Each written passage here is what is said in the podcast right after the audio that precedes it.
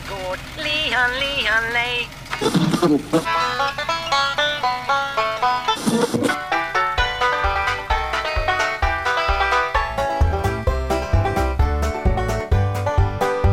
Hej allihopa! Jag heter Rickard Axdorff. Jag är en söt pojke eller man ifrån norra Närke. Det ligger ungefär där de blå bergen börjar.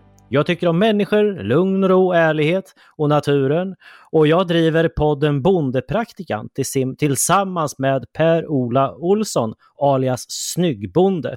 Som även han är en söt pojke, men något större. Och han kommer ifrån Skåne, på gränsen där det börjar bli platt på riktigt. Ingen av oss har hängslebyxen, men vi känner oss ändå som banjohöger. Vi är här för att krossa dina illusioner och podden som du nu lyssnar på hittar du på Bulletins plattform och för er som betalar lite extra så kommer ni få höra den en vecka tidigare. Hej Pedora! Vad gäller det introt? Uh, I början fick jag, eller hej förresten, i början oh, fick jag lite, jag tycker om människor, lugn och ro, naturen. Det lät lite som att, att uh, du uh, var på väg att skriva en kontaktannons. Mm. Mm. Är det inte det vi håller på med på något sätt, för fler lyssnare? Är inte det samma sak, eller? Jo, vi, vi har ju dessutom fått reda på att det, det, går ganska bra för oss. Även om vi inte vet vad vi har för lyssnarsiffror så är det ju ändå över förväntan, eller? Gud ja. Ja. Gud ja. Nej men som sagt, du, du får godkänt för introt. Ja, men det känns ju skönt. Mm. Uh, och nu när vi har diskuterat introt färdigt så den standardfrågan, vad har du dödat sen senast? Jo, alltså jag, jag, fick ju, eller så här, vi kanske ska börja med, med, med det här med att döda. Eh, det kan ju vara lite morbid, eh, alltså att vi, vi ska prata om att döda hela tiden. Men, men döda i sig har ju ett högre syfte. Det, det är alltså någon som får lämna eh, sitt jordeliv till att bli ett högre syfte till nytta för i regel mig eller någon annan. Så att det, det är ju egentligen inget konstigt, utan eh, det är inte för dödandets skull, utan det är för någon att skapa nytta på något sätt. Eh, och med det sagt så hade jag lite panik innan jag insåg att jag har massmördat. jag har ju fiskat kräfter, herregud. Eh, och för en gångs skull så har vi fått Nej. ganska så ordentligt med kräfter, förstår du. Eh, så det var ju faktiskt lite roligt. Vi, eh, på, det, det, kan bero på att vi, vi agnade med eh, makrill från ICA. I tomatsås? Nej, det var en utgången makrill, 69 kronor kilot. Eh, vi köpte väl kanske ett Men kilo eller någonting. Makrill kan inte gå. Jo, det funkar jättebra. Fick, eh... Makrill kan inte gå. Vadå inte gå? Ja, okej, okay, ordvits. Du sa den hade bara utgång. Ja. Sjukt kul. Ja. Okej, okay, så de har massmördat. Men kräftor, det, alltså, nu är jag inte så jätteförtjust i, i, i sånt eftersom de, alltså det, de påminner om stora insekter som bor i vatten. Men det är de man kokar levande va? Precis, precis. Så att jag, jag hade med mig dottern och sen så kokar vi enligt konstens alla regler med öl ifrån Gotland, Barlingbo och, och, och kryddor hit och dit och det skulle vara någon speciell sorts socker och grovsalt. Och... Men det blev ganska så bra faktiskt i slutändan. Så att vi, vi har till och med ätit upp den. Det blev, vi klämde i oss fyra kilo på två vuxna och en tioårig flicka. Så att jag, jag känner mig nöjd. Eh, dessutom så... Ja, dessutom så drack vi upp dem med hemmakryddad brännvin. Oh. Mm, känner mig lite så här, vad, vad, vad kallas det för? Hipster va? Någonting. Huslig. Huslig, ja precis. Alltså, ja, ja alltså, alltså jag tänkte, alltså hipster, okej okay, låt gå. Jag tänkte mer på, på dig som en gammal tant.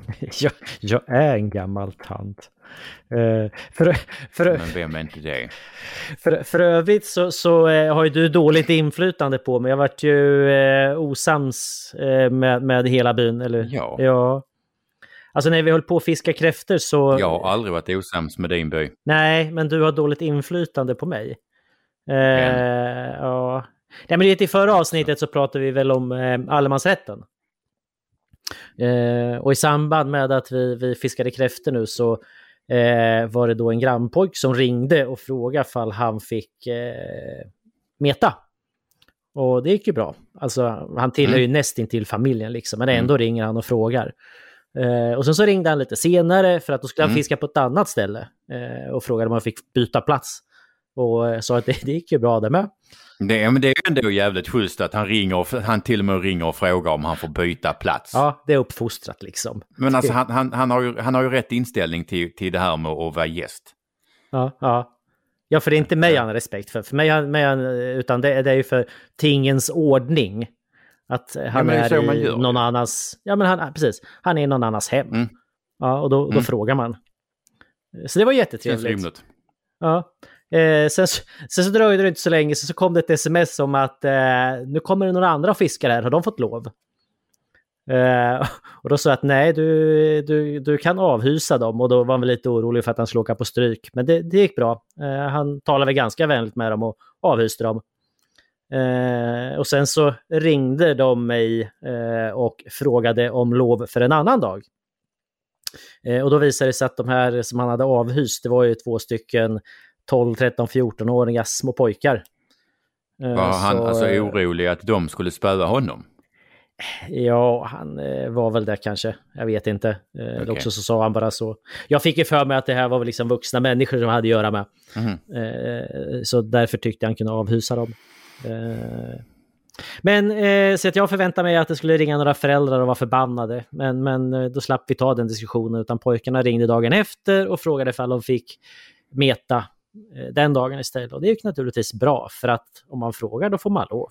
Jag kommer nästan, nästan, eller så här lite, inte helt osökt men bara lite till att tänka på eh, min gamla lärare i reparationsteknik från på gymnasiet.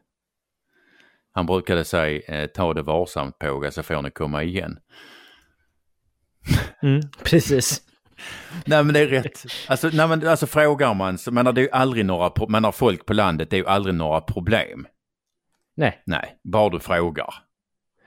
Ja men precis. Och, och hade det nu varit så att de inte kan eh, meta precis där de ville så hade de fått en annan plats anvisad där det går bra att meta. Ja, ja, Ja, inte svårare än så. nice. Ja, så där hade vi en brygga från förra programmet också. Eh, att du har dåligt inflytande på mig och allemansrätten. Men alltså vad fan, ja, ja okej då. Mm, precis. Men, men eh, frånsett det då. Eh, jag har massmördat, men frågan är ju vad är du arg på idag? Alltså det är ju det som är det stora problemet. Jag är inte så arg idag. Jag, Nej. eh, nej. Alltså, jag, okay, jag, kan, alltså, jag är inte så arg. Jag har i och för sig lagt en hel del energi på att ha njursten. Det är inte alls skönt. Um, det, det känns lite som att någon har rensat på mig med ett armborst. Men alltså, ja, men alltså, alltså det, är, det är en helt fantastisk upplevelse det här med njursten. Ibland så mår man, alltså går det inte alls bra, ibland så går det riktigt bra. Uh, jag, jag vet inte. Och sen, så att det här, mitt liv går just nu mest ut på att ha ont i njurarna och eh, ibland att vara kissnödig fast inte så kissnödig liksom. Jag, alltså, där är väl stopp i ledningen liksom. Så att jag, jag vill kissa men det kommer ingenting. Uh, Ungefär som, alltså, ungefär som när jag, eh, ungefär som när jag pratar liksom för att min hjärna vill producera mycket mer och mycket fortare än vad min mun liksom rent fysiskt förmår att förmedla. Så att jag, jag, alltså jag skulle påstå att jag har någon form av konstant mental njursten. Jag, Ja, Mm, jag är dessutom väldigt glad för att jag har köpt, alltså jag har köpt en ny dammsugare. Jag har köpt en industridammsugare. Alltså, en, alltså, sån där, en sån där stor rackare, eller vadå? ja, ja, ja. Mm. Jag ska ha den, alltså ha den när jag städar inomhus. Inte så för att jag har, alltså, alltså den grusen jag drar in, det kan man ta med en vanlig dammsugare. Men en av de absolut största frustrationerna i mitt liv under de 41 år jag har levt, det är att hitta dammsugarpåsar. Mm. Det är ju för fan helt jävla värdelöst. Mm. Mm. Och sen så byter de tillverkare eller byter leverantör på påsarna. Sen står man där som något jävla fån på ICA och ska försöka slå i någon jävla pärm. Så slut, slutar man med att stå och försöka googla sig fram till, till vad det är för påse man ska ha. Och inte fan hittar man rätt påse. Så antingen, alltså har man tur så kanske man kan köpa någon sån där jävla eh, one size fits no. Eh, påse och någon jävla plastadapter. Eh, och i nio fall av tio så slutar det ändå, eller till slut med att man står där så, eh, hemma och pillar ut skiten ur dammsugarpåsen för att återanvända den för att man har inte hittat någon. Det är ju helt jävla värdelöst. Så att nu har jag köpt en industridammsugare som inte behöver en påse. Det är bara liksom koppla loss överdelen. Sen vänder man den upp och ner i typ soptunnan. Alltså först, förstår du liksom befrielsen att inte behöva köpa dammsugarpåsar mer? Mm. Ja, ja, definitivt. Jag, jag, jag har ju en, en eh, gammal hedlig nilfisk. Alla vet vilka jag pratar om. En sån där grå, rund, med någon slags... Eh, såhär, slangen sitter där uppe och sen så är det en stor rackarns behållare, men med en påse Ganska mm. stor påse. Mm. Eh, och det är någon slags mellanting mellan industridammsugare och, och, och hushållsdammsugare. Och där, då, hade, då var det en utförsäljning inne i Örebro. Mm. Så att eh, jag köpte väl i storleksordningen en kartong med kartonger med sop eh, eller sådana påsar. Mm. Så att eh, dammsugaren i sig är väl ifrån säga, sent 90-tal kanske och jag skulle tro att jag har någon dammsugarpåsar 20 år till i alla fall.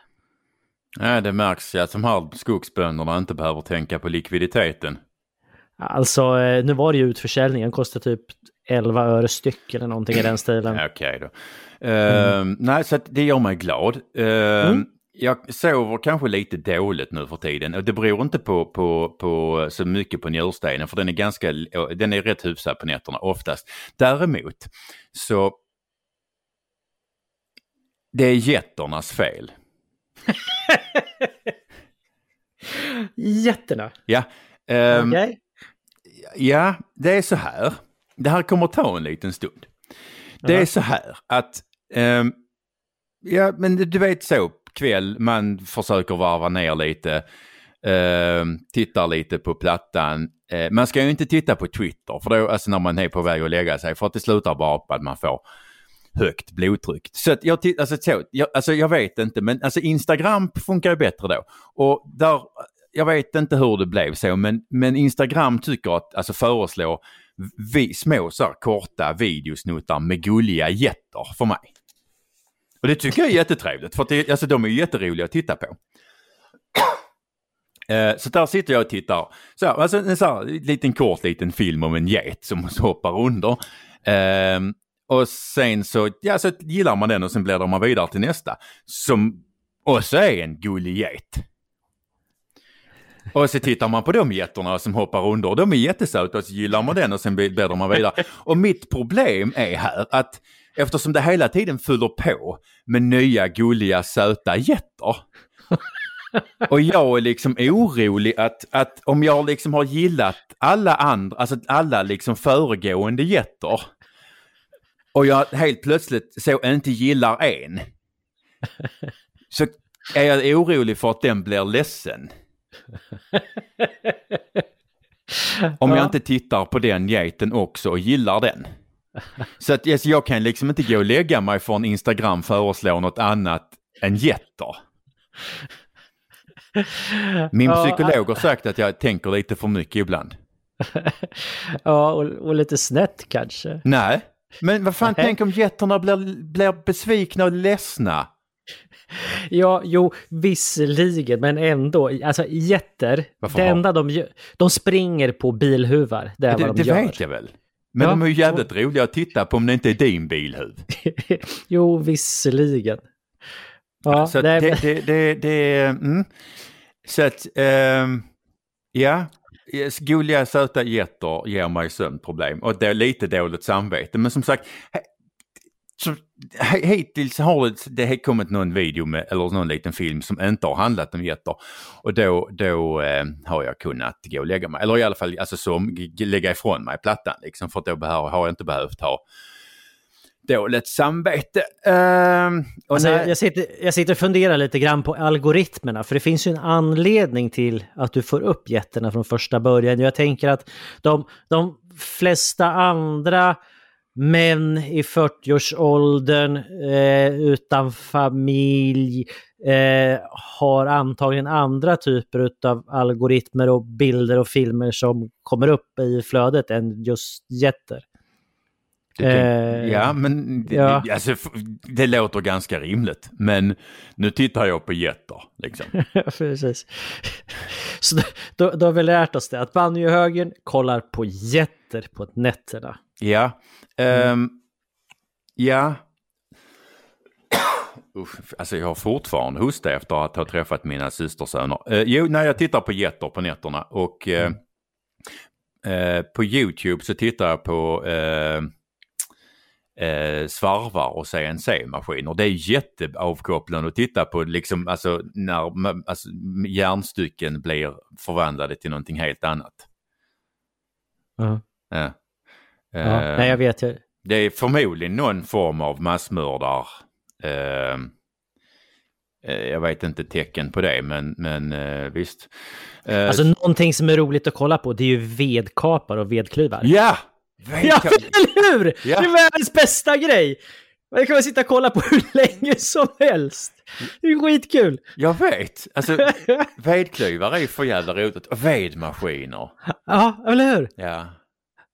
Alltså det tar, det tar aldrig slut. Det finns massvis med olika modeller. Olika ja. lösningar. Ja, ja. ja. Alltså de hemmabyggda är ju för jävla häftiga. Ja. Och ibland kommer det upp någon sån här gammal, eh, du vet sån här från öststaterna som drivs av någon häst som trampar in och hjul. Ja. Och så kommer det någonting stort och, liksom, och flyger i luften och krossar ett, ett trästycke. Mm. Ja, nej det, det, det är fan med grejer. Uh, nej, så att jag, som sagt, jag är inte arg, tvärtom ganska glad. Jag har ju uh, byggt, uh, byggt om, eller byggt, byggt om, jag har lagt om min, min uteplats. Den var ful. Eh, så när, när här ändå var en grävmaskin på gården så eh, eh, larvade jag in kvickt som fan i trädgården och grävde ut hela den gamla uteplatsen. Eh, och sen fick den ligga lite. Sen hade jag en eh, kompis som var här eh, och hjälpte mig att köra in cross, alltså bergkross. Mm. vi körde typ in 11 ton Eh, och sen så har vi lagt, eller, eh, la vi ut stenmjöl, eller ja vi paddade stenmjölet, eller krossen, vi paddade stenmjölet, sen så drog jag då eh, stocka av eh, stenmjölet i häromdagen. Mm. Så att det blev jämnt och fint.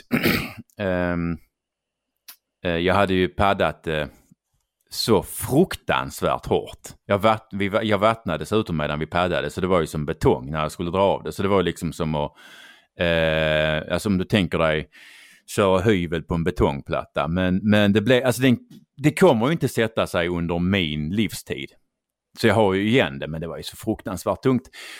alltså nu har jag en fin uteplats eh, och där jag kan sitta och dricka öl. Mm. Eh, jag var sugen på att dricka en öl redan första kvällen när jag hade, eh, alltså, när jag hade lagt all stenen. Men jag var så jävla trött i mina armar så jag liksom förmådde, förmådde mig inte att kunna liksom lyfta ölflaskan till käften så det fick vänta till kvällen efter. Um, och jag är dessutom väldigt nöjd för att ehm, 27 kvadratmeter uteplats med byasten. um, sjukt snygg. Ordentligt gjord och så där är mer än 300 mm eh, 016 och sen är det stenkross på. jag har köpt, eh, eller rättare sagt jag har, eh, ja, berg, bergkrossen som jag la in den var ju eh, begagnad. Så den hade legat här i rätt många, eller legat på sidan om logen i några år i en hög. Mm. där ligger en hög 090 också. som också är begagnad. Det är bra att ha Bra grejer, mm. jag vet. Sen eh, hyrde jag en padda och eh, hyrde eh, en laser. Så att eh, totalt har jag lagt ut, eh, jag köpte stenmjöl också 2,5 ton. Så mm. totalt har jag lagt ut 639 kronor. Och vad blir det kvadratmetern? Eh, det blir ju, det kan man ju räkna ut lite fort. Det måste, borde bli någonstans runt, uh, vad fan sa vi, om vi säger 6. 27, 27 kvadrat. Uh, 600. Uh, typ 3, 3 kronor, 30 kronor.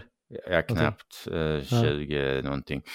Uh, nej, så att det, det, jag är nöjd. Det är jag. Jag är sjukt nöjd. Ehm, det hade kostat mer om jag skulle ha en firma till. Och det är väl en av de saker som jag, alltså, jag gillar eh, bäst med mig själv, bortsett från, från snygga underarmar och ett väldigt trint ansikte. Uh, så är det... och ödmjuk. Det är också, det är också. Så är det att jag kan saker. Uh. Um, det är sjukt, det är, det, är, det är sjukt skönt att kunna saker. Mm. Uh, sen, alltså det, det, det, ja. det där i, är lite intressant i sig. Ja. Eh, att, eh, för det är en del av överlevnaden på landet. Du måste kunna mycket saker, annars så eh, fixar du inte att vara bonde. Eller vad det nu kan tänkas vara. Eh, och, du måste, och, och, man klarar av att växla över på någonting annat. När den ena branschen går ner så kan man gå över på den andra och hantera det också. Ja men det är ju så eh. jag har överlevt hittills. Men har sen slutat som, eller jag slutat som bonde eller ja, pausade mm. eller växlade ner lantbruket som fan. Men jag, jag bara fuskar med något annat liksom.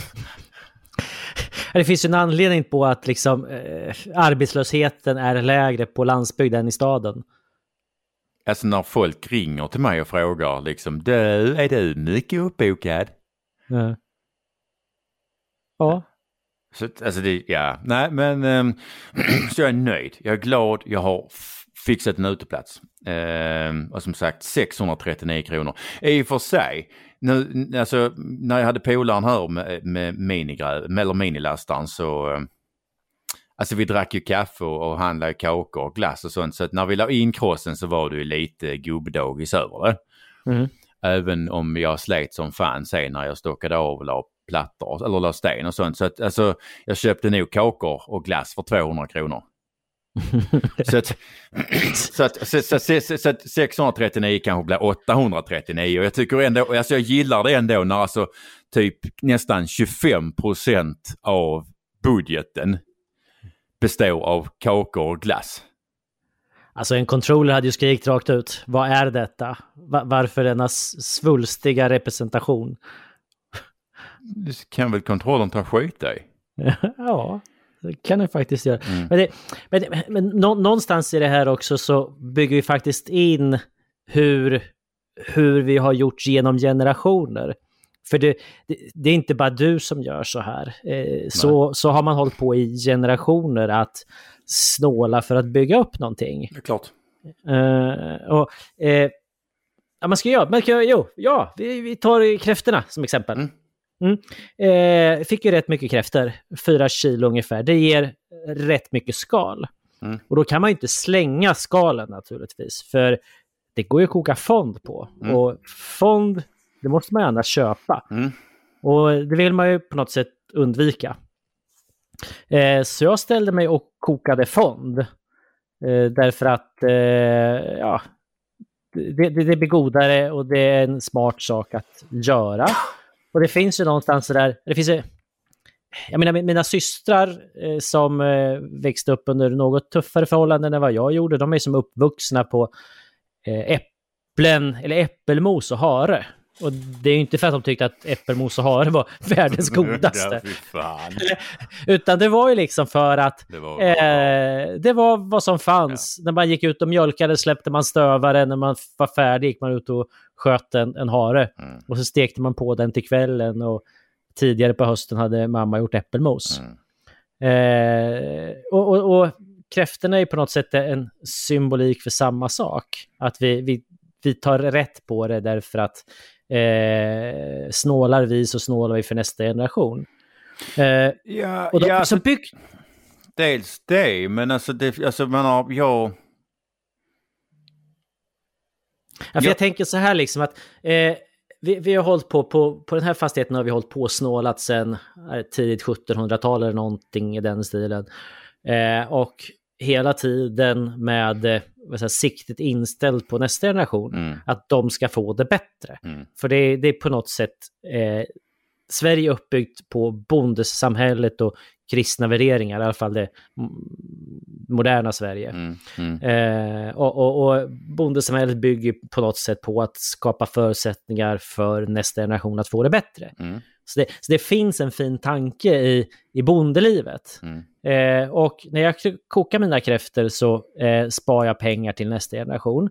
Eh, vilket gör att de kan få det bättre. Och nu har jag det så pass bra så att eh, man kan i viss mån säga att jag har en del rikedomar.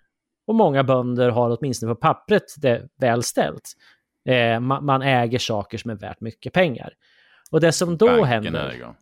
Ja, banken äger det. Vi, liksom, för det, det går ju som inte att, att, ta med sig taxeringsvärdet och köpa korv för på ICA och säga titta här, jag är jätterik men jag har inga pengar på banken. Nej. Eh, men det som då händer liksom, det är ju då att eh, det här som jag själv brukar kalla för tjuvsamhället, de här avundsjuka typerna, eh, som vill komma åt de rikedomar som då flera generationer har byggt upp. Jag tänker på så här, WWF, Naturvårdsverket, Naturskyddsföreningen, Miljöpartiet och mm -hmm. alla det, hela det gänget. De, de, de hänger där och, och liksom knackar på dörren och vill komma in och ta åt sig de rikedomar som vi på något sätt har skaffat. Mm. Eh, så när de när de liksom stjäl en bit skog från mig, ja, men då har mina systrar ätit äppelmos och, och eh, har det helt i onödan. För då fanns det ingen vits med det, för då försvann ju den, det överflödet. Jag med, jag med. Ja. så, så eh, låt säga att jag kanske då har sparat 200 kronor på att göra den där fonden. Eh, så det motsvarar ju då i storleksordningen att jag har kanske inte behöver, eller ja, motsvara försäljningen av ett lammskinn till exempel. Mm. Ja, eh, och, och, ja, det blev ju... Vart det krångligt där? Jag tror inte det. Jag tror att faktiskt våra lyssnare hänger fattar. med. Jag fattar ja. i alla fall, men det kan ja. bero på att jag hänger med. Nej, men, ja. men alltså, nej, men handlar det inte, alltså man ska säga, men handlar det inte bara om, om för nu har jag inte familj. Uh, men alltså där finns ändå inbyggt i mig någon form av Alltså man, man, man, man, är, alltså man är rädd om det man har och man tar vara på, man tar vara på saker och ting. Mm. Som sagt, ja, du, du kokar kräftfond och jag, jag går och tittar på eh, efter eh, kött med, eh, halva priset på ICA för att jag tycker inte om att djur har dött i onödan. Så att du och jag är ju egentligen två tant, gamla tanter. jag gillar det där med gamla tanter. Jag, jag eh, tycker det, det, finns för lite gamla tanter rent allmänt. Jag, jag gillar de här matriarkerna. Och det är så, så, he, stor del av landsbygden är ju, i alla fall där jag har kring mig, är uppbyggt kring tanter, kring, kring, kring eh, matriarkerna. Det är liksom det, det är där den verkliga makten är. Jag vet inte riktigt vad det här med jag, patriarkala samhället, nej, vad det finns egentligen. Nej, nej, inte jag heller. Alltså, jag har fastnat för en sak. Nu är vi som sagt väldigt långt bortanför där vi pratade från början. Men men jag, jag, fast, jag har märkt en sak. Alltså, um, på fest, i alla fall alltså, i de kretsar jag, jag befinner mig i. Mm. Um, och det är väldigt tydligt. Det är, alltså det, det är på festerna man ser det, eller man märker det mest. På fest, om det är mannen som kör, eller rättare sagt mannen som är, dricker och frun, eller ja, kvinnan, mm. som kör. För att det är ju så på landet, här går inte bussar. Man kan ju i och för sig åka taxi men man får boka den jäveln i förväg. så, så att ofta är det ju så att någon får köra. Mm. Mm. Och är det så att mannen dricker och kvinnan kör och kvinnan vill köra hem så spelar det liksom ingen roll hur roligt mannen har. För att alltså han sitter påklädd i bilen på mindre än fem minuter.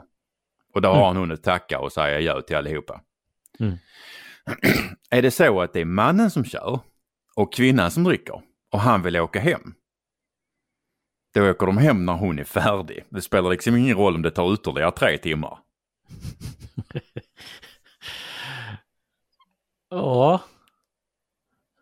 Och vad är din slutsats? Alltså, jag kanske inte helt och hållet köper det här påståendet om att det är männen som bestämmer. Nej, precis. Nej, jag... Eh, alltså det, det, jag är som uppvuxen och även om min, min, min pappa var ju ganska stenhård. Mm. Eh, men det man kanske inte visste utanför det var att det, den som bestämmer är mamma. Men brukar det inte, alltså menar, vass, alltså, menar i de flesta. Jag, jag, jag, alltså jag, jag kommer ihåg det jättemånga år sedan nu.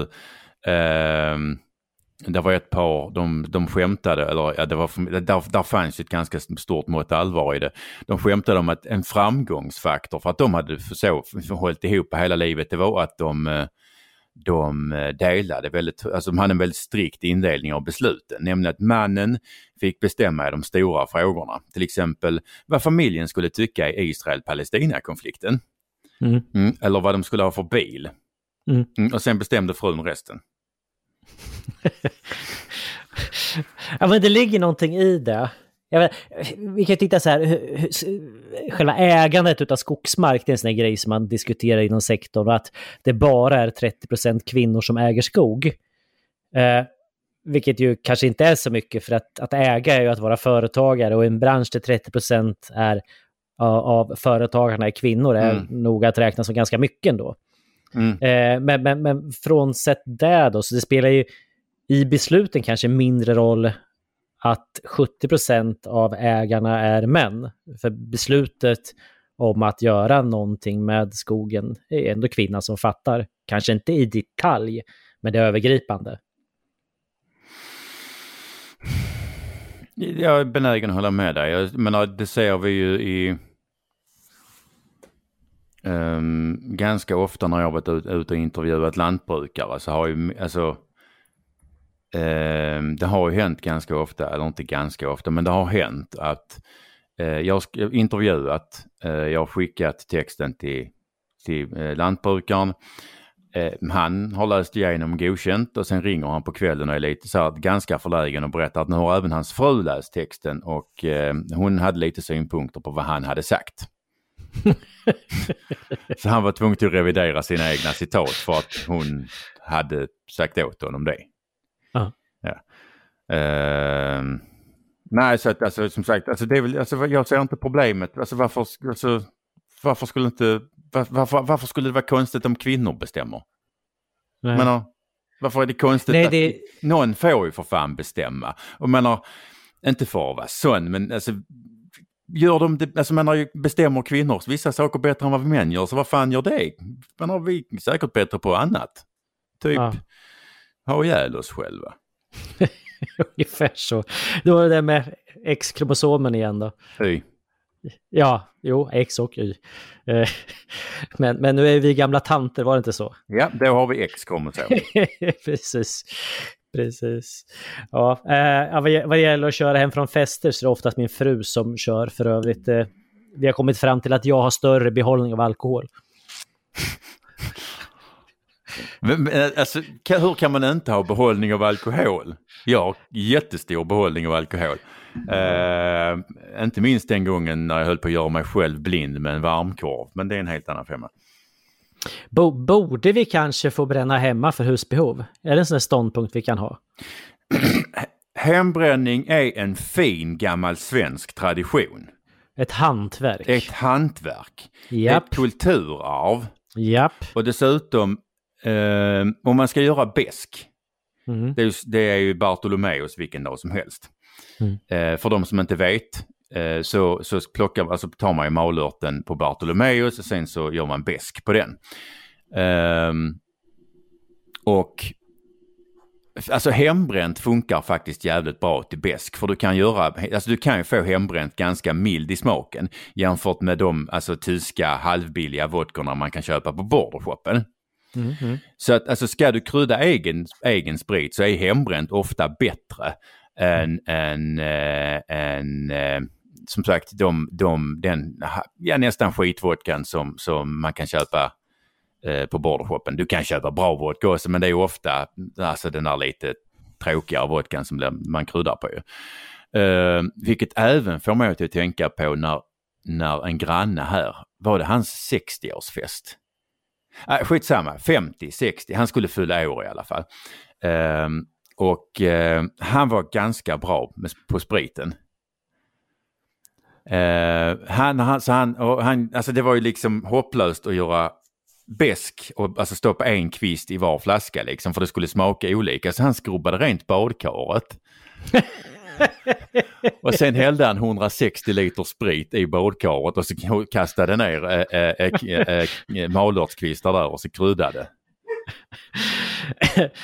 Det var rejält gjort. Men jag tycker vi, vi, vi, vi gör ett, ett slag för, för eh, Hembränning. eh, hembränning.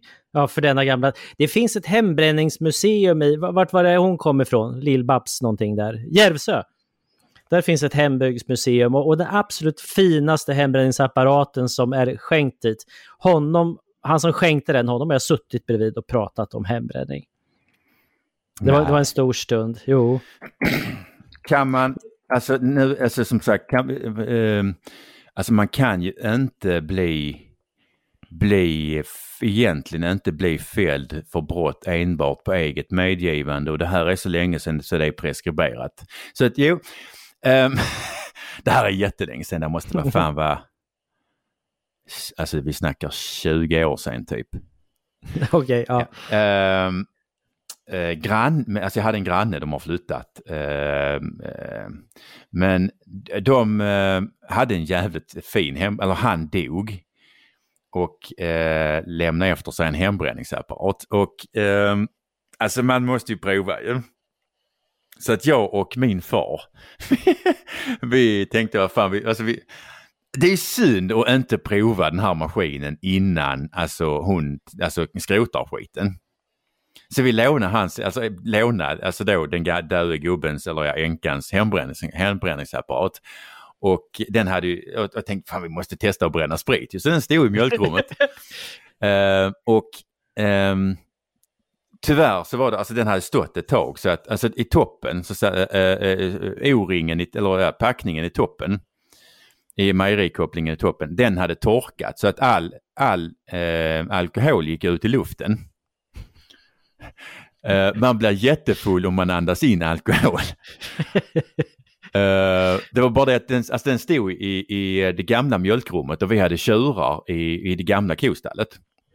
Eh, så att all alkohol gick liksom in till tjurarna. Och de var helt jävla jättedyngraka. Och jag förstår dem, för man, alltså, fan det räckte man gick in där några minuter, sen var man ju fan helt väck ju. Så det blev ingen sprit, men Nej. tjurarna var jättefulla och sen mådde de inte jättebra dagen efter. De bara stod... Men som sagt, det här är preskriberat. Och Eh, hon har flyttat. Och förmodligen kasserat hembränningsapparaten. Men det blev en jävligt bra historia. Oh ja. Ja. Men alltså, det, det, ja, det, det vart ett sprittema på det här. Men alltså, det, det finns eh, en bok som heter, Ö, jag tror inte, Överstens snapsar eller Överstens brännvin. Eh, den är skriven av eh, överste Einar Lyth. En eh, gammal gentleman som är väl eh, 90 år idag. Eh, och den här boken den är då uppbyggd på så vis att den berättar en historia om eh, svensk kultur kopplat till militärhistoria. Okej. Eh, och sen så på ena sidan och på andra sidan i boken så är det då en snapsvisa. Eh, och den snapsvisan handlar då om texten på vänstersidan. Eh, så att man får en förklaring till vad snapsvisan handlar om. Eh, och då satt jag i, i bastun och tyckte att det här var ju roligt men, och läste den där boken. Men jag, jag kan ju som inte melodierna, för det är ju i regel står det så här, melodi T-R-A-D. Alltså traditionellt Traditionell, någonting. Någonting. Ja, precis. Så jag bara kände att ja, det här var en jätterolig text, men undrar hur melodin går. Så att eh, då insåg jag att det här det är ju som ett jävligt bra ämne för att göra en ljudbok på. Eh, så jag tog kontakt med den här gamla överste Einar Lyth och sen så gjorde vi en eh, ljudbok på den här. Så den finns på, på Soundcloud så kan man lyssna. Eh, om man söker typ på mitt efternamn eller någonting så kommer man till den här boken så kan man lyssna. Kan man höra dig sjunga då? Ja, ja för fan. Vi var, när vi spelade in den här så var vi fyra, fem killar i en studio och sen träffades vi varje onsdag under, eh, vad kan det ha varit, eh, två månaders tid kanske. Och sen så drack vi överstens brännvin och sen så sjöng vi snapsvisor. Det var jätteroligt. Eh, Alltså, ja, har du hört. Jodla med Sivs 20 pågar i en bastu? Jag får ungefär samma känsla. Ja, men det var ungefär så. Mm, Men, men grejen är att många av de här historierna är ju väldigt, väldigt bra. Eh, och speciellt och, och förklara lite grann om, om svensk historia. Jag kommer speciellt ihåg, eh, det handlade om, vad kan det ha varit, 1918 14 kanske, eller någonting i den stilen. Då hade vi eh, torka två år i rad. Det var nöd, nödår i Sverige. Eh, potatisen räckte inte till att både äta och göra brännvin av. Eh, så man hade liksom problem. Eh, för brännvin på den tiden, det var ju medicin. Det var ju så man, liksom, man överlevde. Hade du Mm. liksom hål i tanden, brännvin, magsår, brännvin. Har du brutit foten, brännvin. Det var ju så man löste det. Alltså, Eh, jag och- vet människor som beter, alltså, så, som beter sig så fortfarande. Ja, ja, ja. Jo, jo så är det ju. Eh, en, en del av oss nyttjar ju penicillin när det behövs då. Eh, Men i, i, i och med att det var nödår då så, så, så eh, börjar man ju då, man, man hade politiker som var handlingskraftiga. Så då börjar man då på att fundera på hur man kan göra eh, drickbar sprit på vedcellulosa, på träd. Mm. Eh, och experimentera med det och sen så fick man fram en produkt eh, och så var man ju tvungen att testköra den. Så då testkörde man då, och det här, det här är vad som beskrivs i boken då. Så testkörde man den på 23 stycken kaniner och en pluton med beväringar. Okej. Eh, och man körde under en tid av tre månader. Och efter tre månader så kom man fram till att samtliga kaniner var döda, men beväringarna vid gott mod. Och eh, kaninerna hade då supit ihjäl sig medan beväringarna mådde bra. Så i och med det så började man då på att eh, sälja eh, träcellulosa på Systembolaget. Eh, och eh, då kom det till en himla massa nya snapsvisor som handlade om att pressa saften ur en planka och såna här saker för att då stimulera dryckandet i landet. En fanta ja, fantastisk bok. Lyssna gärna på den. Apropå sprit. Men kaninerna, Ja, de, de dog ju. Men de det- söp ihjäl sig. de, de söp ihjäl sig. Det, fin, det finns alltså, vad sa du, 23 kaniner? Ja. Det finns alltså 23 kaniner i Sverige som har supit ihjäl sig. Japp. Så att vi har alltså griseknoen, Mm. mina tjurar för 20 år sedan, eller det var min fars tjurar, och Ja. 23 kaniner. Ja. Alkoholismen i djurvärlden är ju, alltså det är någonting vi behöver ta tag i. Jävla supputer, det är vad de är. Uh, alltså de har ingen som helst känsla för ansvarstagande. Nej, nej. Jag, jag var ju uppe med äpplen till mina grisar idag. Eh, tänkte att det här, några av äpplena var ju bruna. Tänkte att det här det kommer inte sluta bra. Alltså jag var i, alltså jag var, alltså jag vet alltså nu tänkte jag hålla mig från politik, men alltså jag, alltså jag var tvungen till att eh, eh, bromsa min mentala njursten.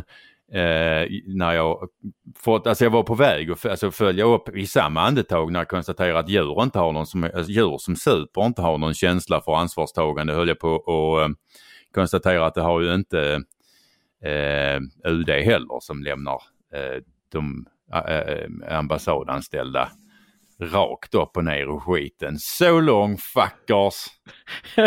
Så jävla ruttet.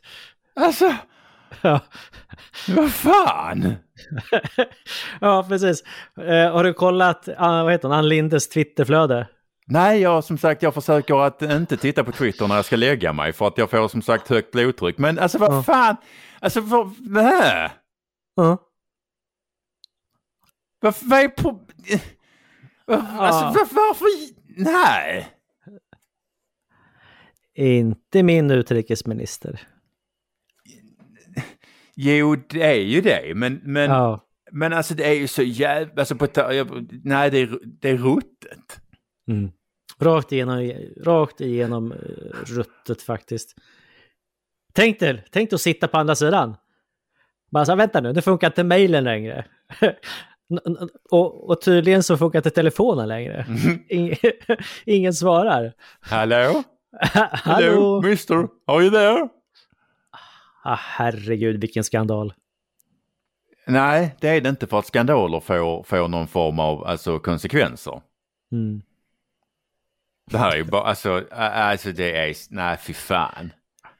Apropå eh, dödspatruller. Eh, jag är ju jag är dödspatrull idag. Jag eh, har ju eh, jour ut och det är ju bockjaktspremiär idag. Så jag har ju jour på att åka ut eh, om det är någonting som man bör göra eftersök på. Mm. Eh, och ett sånt meddelande kom precis. Så Ah. att, eh, Du, ja ska, du precis. ska alltså ut och, och eh, alltså ha, för, att folk aldrig lär sig. Man ska inte jaga på julafton, nyårsafton och premiären.